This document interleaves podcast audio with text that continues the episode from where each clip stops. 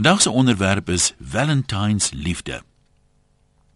Die liefde kom seker maar in grade, soort van soos 'n mens 'n ligte verkoue kan hê of 'n ewige snotsiekte wat jou totaal verlam.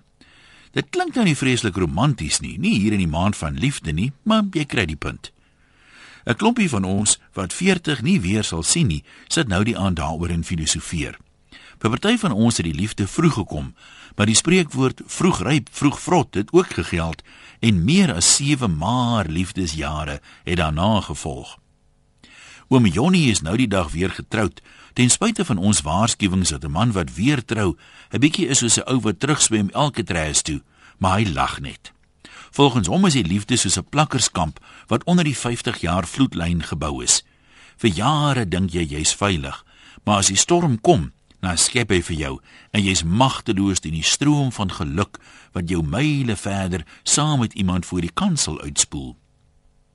Ander van ons het weer so lank soekend die lewe se oseane bevaar alleen daar in jou klein lewensbootjie dat al steek daar 'n storm in jou hart op weet jy mos hy waai nou nou oor. So jy hou nie eers meer 'n life jacket byderhand nie. En dan dan slat hy vir jou oorboord Daar's natuurlik mense wat soos 'n farao van ouds destyds sy hart verhard het teen die Israeliete. So verhard hulle ook hulle harte teen Cupido se pile en meer as 40 jaar in die liefdeswoestyn swerf hulle rond. Af en toe het hulle die beloofde land gesien, maar nooit het hulle by hom ingegaan nie. Veilige koester in sy nuutgevonde geluk, wonder oom Jonnie toe of onaansienlike mense die liefde minder intens ervaar as welgeskape mense. Met onaansienlik bedoel hy nou nie downright onooglik nie, net effens onmooi. Oupa anoniem onthou toe van 'n paartjie by wie die beskrywing gemaklik pas.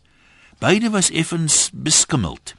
Tot die punt toe waar hulle al 14 jaar lank soms saam gaan eet of gaan fliek het sonder dat een ooit sinnigheid in iemand anders gekry het.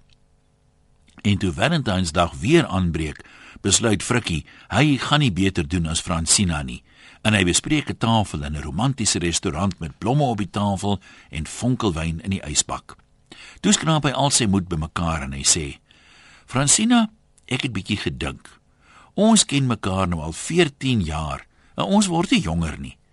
Dink jy nie ons moet maar ons skapie saam jag in een kraal nie?" "Hoe bedoel jy nou, Frikkie?" vra sy nuuskierig. "Nee, ek het gewonder of dit nie 'n goeie plan is as ons maar trou nie." spel Frikkie dit 'n bietjie duideliker uit.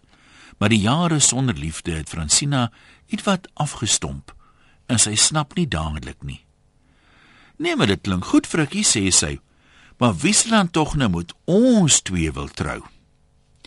Wel, al is jy hierdie Valentynsdag alleen, hoop ek daar's ten minste nog plek in jou hart vir 'n droom oor die liefde. Groete van oor tot oor. Anoniem.